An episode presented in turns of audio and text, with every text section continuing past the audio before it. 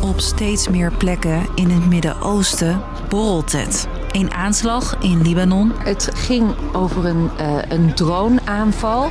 Een dag later in Iran.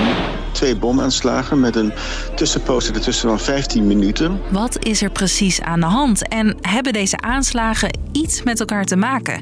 Ik ben Frederik en ik zet het voor je op een rijtje. Lang verhaal kort. Een podcast van NOS op 3 en 3FM. Als je denkt aan Hamas en waar ze zitten, dan denk je waarschijnlijk vooral aan Gaza. Maar dat is niet de enige plek.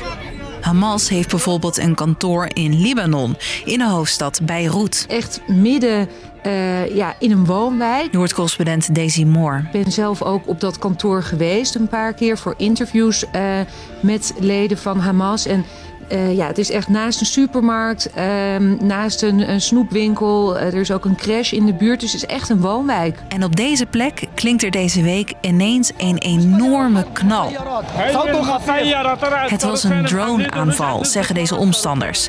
Het lijkt erop dat die drone uit Israël komt, gericht op Hamas. En daarbij is dus een Hamas-kopstuk omgekomen. Wat heeft een Hamas-leider eigenlijk te zoeken in Libanon? We horen dat hij vooral de tussenpersoon was eh, om de contacten te onderhouden eh, met Hezbollah. Hezbollah is in eh, Libanon eh, een, een, belangrijke eh, speler. Internationaal wordt Hezbollah gezien als een terroristische organisatie. Maar in Libanon is Hezbollah ook een politieke partij en een militaire macht en een bondgenoot van Hamas. En uh, deze Saleh al-Arouri zouden contacten onderhouden tussen Hamas en Hezbollah hier in Libanon.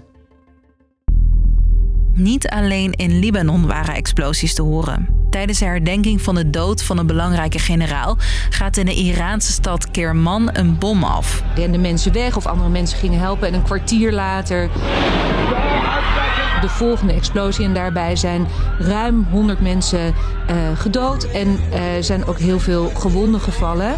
Of deze aanslag iets te maken heeft met de aanslag op de Hamas-leider de dag daarvoor, dat weten we niet. Iran heeft nog geen dader aangewezen. Het is wel zo dat zij vaak uh, richting het Westen of richting Israël wijzen. Ze noemen het een terroristische actie. Maar ja, deze aanslagen helemaal los van elkaar zien, dat kan ook niet. Dat zit zo.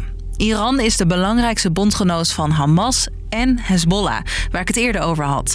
Het land steunt hun in de strijd tegen Israël door onder meer wapens en geld te sturen.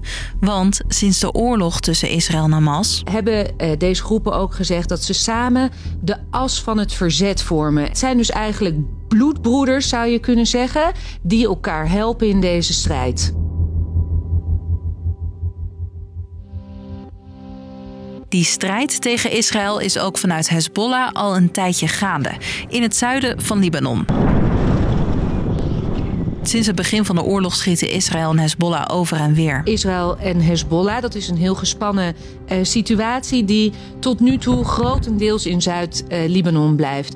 En uh, dat er dus een droneaanval in de Libanese hoofdstad Beirut was, heeft de spanningen wel weer verder opgevoerd. Gaat die spanning nog verder oplopen? Nou, na die aanslag in Beirut hield de leider van Hezbollah een speech. Arabist Leo Kwarte heeft meegekeken. Wat ik eigenlijk eruit haalde is dat hij uh, ja, eigenlijk het niet over de kant kan laten gaan.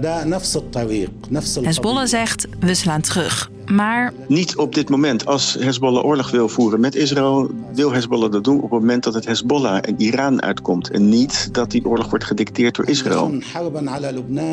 Ook correspondent Daisy Moore denkt niet dat er meteen een reactie komt. Men verwacht dat er iets zal gebeuren... maar waar, wanneer en hoe, dat is onduidelijk. Maar ja, nu een reactie of later, de angst voor nog een oorlog blijft. Als dat escaleert, uh, is er echt grotere kans op een regionale escalatie, waar dus Iran um, en Irak en Jemen um, en nog veel meer landen in de regio uh, betrokken zullen raken uh, bij deze oorlog. En dat is wat hard geprobeerd wordt om dat te voorkomen.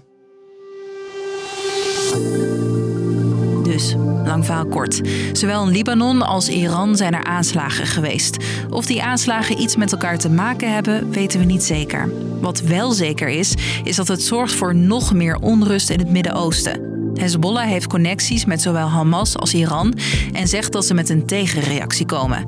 Experts denken dat dat niet meteen gaat gebeuren. Was de podcast voor vandaag. Morgen zijn we weer bij je terug. Doei!